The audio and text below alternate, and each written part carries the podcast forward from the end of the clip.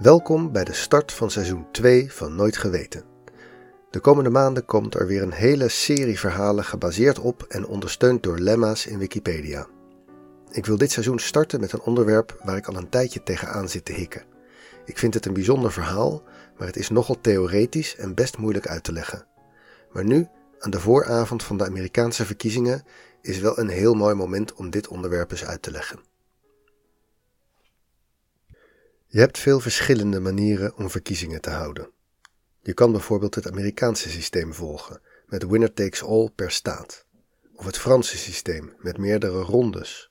Of het Nederlandse systeem, waar eerst partijen worden gekozen via evenredige vertegenwoordiging, die dan met elkaar een regering moeten gaan vormen en dan met elkaar een leider uitkiezen. Ze hebben allemaal hun voor- en nadelen. Het voordeel van het Amerikaanse systeem is dat er altijd iemand president wordt die op veel plekken in het land echt de meerderheid van de stemmen had. Want het systeem leidt min of meer vanzelf tot een twee-partijenstelsel. Dat kan je stom vinden, maar kiezen tussen twee kandidaten is in ieder geval minder ingewikkeld dan als er meer kandidaten zijn. In het Nederlandse systeem, met coalitievorming en zo, worden kleinere partijen beter vertegenwoordigd maar uiteindelijk zit er meestal een regering met een beleid dat met geen van de verkiesbare partijen overeenkomt. Bijna niemand van de stemmers denkt dus: ja, deze regering voert het beleid uit waarvoor ik ook op ze gestemd had. Beide systemen hebben nadelen en beide systemen hebben situaties die uitnodigen tot strategisch stemmen.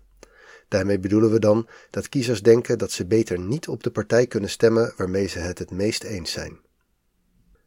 In de jaren 40 en 50 werd een nieuwe tak van de wiskunde ontdekt, de speltheorie. De grondlegger ervan hebben we in Nooit Geweten alles eerder besproken, John van Neumann. In aflevering 1 hadden we het over de architectuur voor computers die hij tijdens de Tweede Wereldoorlog uitwerkte.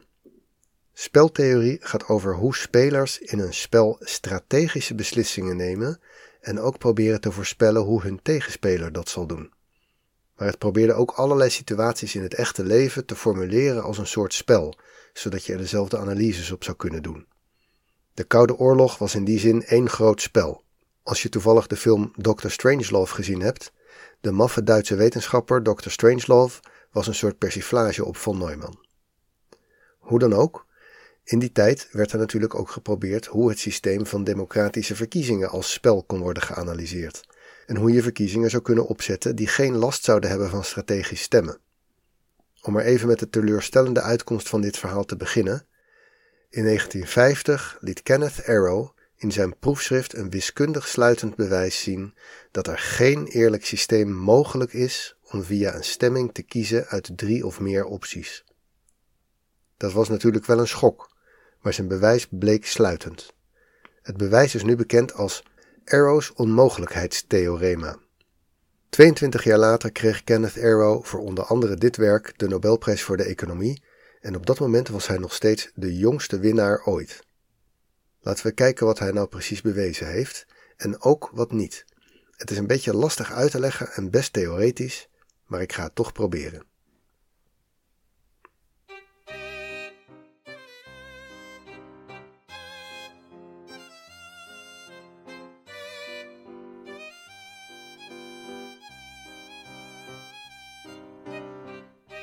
Basisprobleem van verkiezingen is dat er veel opties zijn om uit te kiezen en nog veel meer kiezers die allemaal zo hun eigen voorkeuren hebben tussen die opties.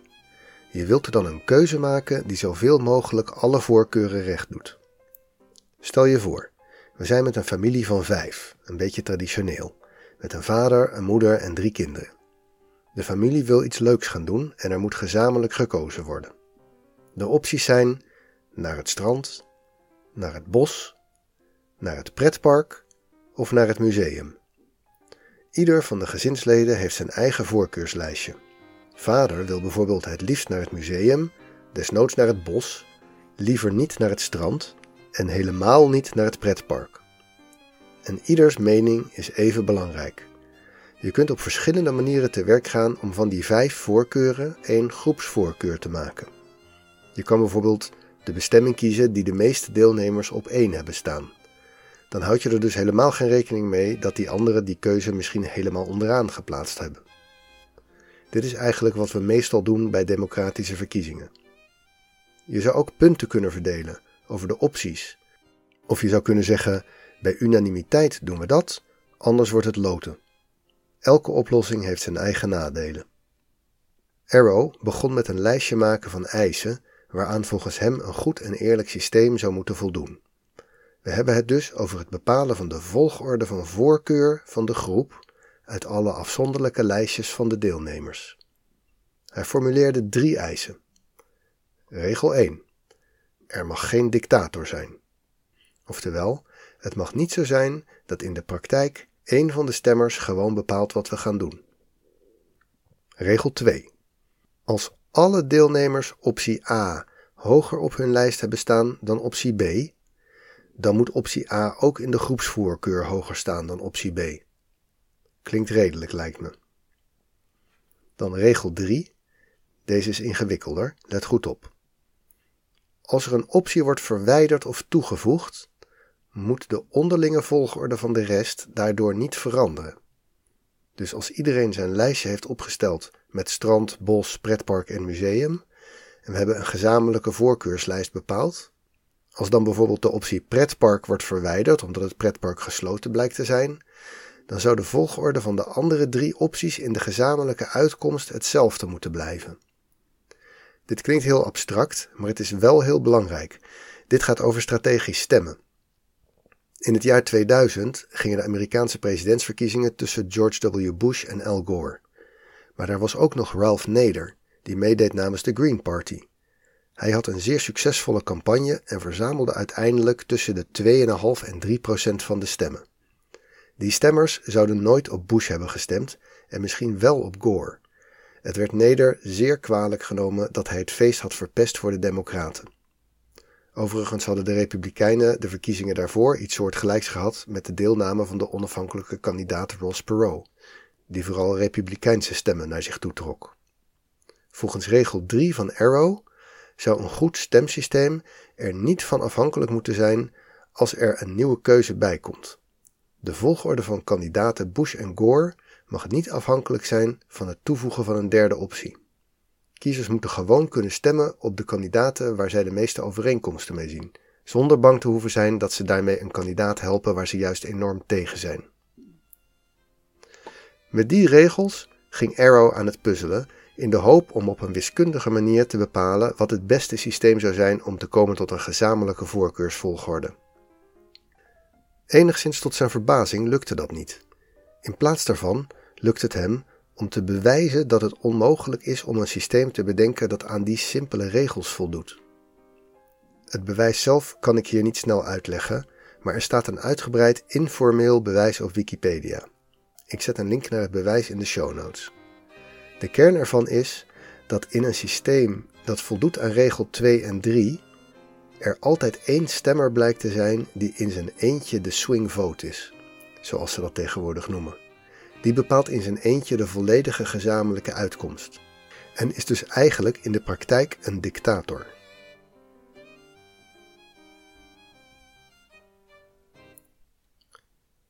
Het theorema van Arrow riep veel vragen op. In het begin werd er natuurlijk aan getwijfeld of het wel klopte, omdat het zo onwaarschijnlijk klonk, maar dat bleek al vrij snel wel in orde te zijn.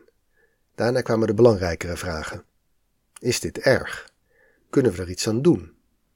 Sommige onderzoekers zeggen: het is helemaal niet erg als er een dictator is, als je van tevoren niet weet wie het is. In de praktijk weet je zelfs na afloop niet wie de dictator was, omdat er aan de meeste verkiezingen heel veel mensen meedoen. Wat maakt dat dan uit? Zou je kunnen zeggen. Een andere tegenwerping is dat we niet hoeven te proberen om tot een gezamenlijke volgorde van alle kandidaten te komen.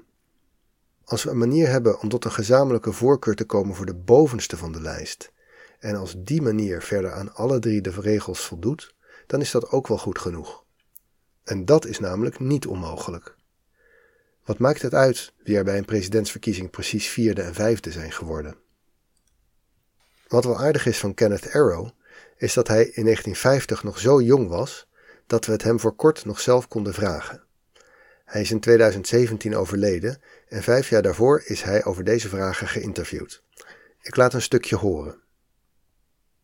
I think the answer is you have to ask, in effect, which ones get closest to this combination. And we have to then begin to look at what actual votes are. The, real way to do it is apply some of the rule and to take elections and apply different methods and see which violates these conditions as little as possible.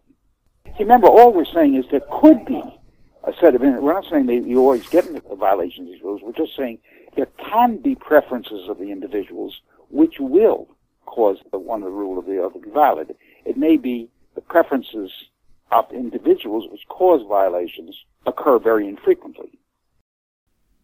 Wat hij eigenlijk zegt, is dat het inderdaad niet zo belangrijk is dat het niet 100% mogelijk is, maar dat je moet proberen er in de praktijk zo dicht mogelijk bij in de buurt te komen. En onze huidige systemen voor verkiezingen zijn nog heel ver verwijderd van dat punt. Ze zijn zeer gevoelig voor strategisch stemmen. Niet alleen presidentsverkiezingen, ook ons systeem van representatieve vertegenwoordiging heeft het probleem. Bijvoorbeeld door het voordeel van de grootste partij zijn bij kabinetsformaties.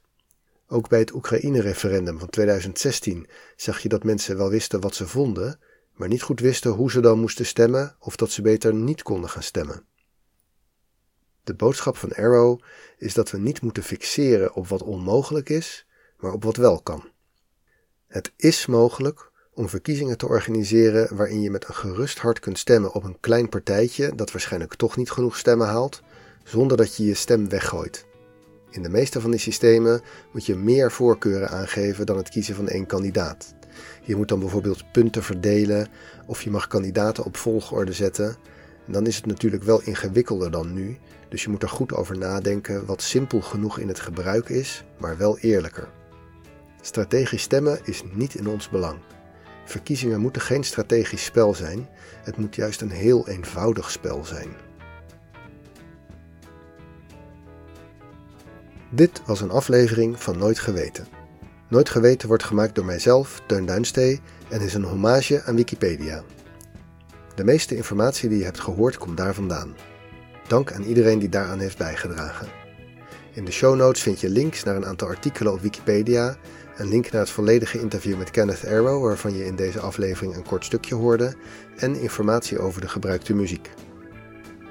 Bijdragen kan door mij te mailen met ideeën voor nieuwe onderwerpen, door bij te dragen aan Wikipedia of door geld te doneren aan de Wikimedia Foundation.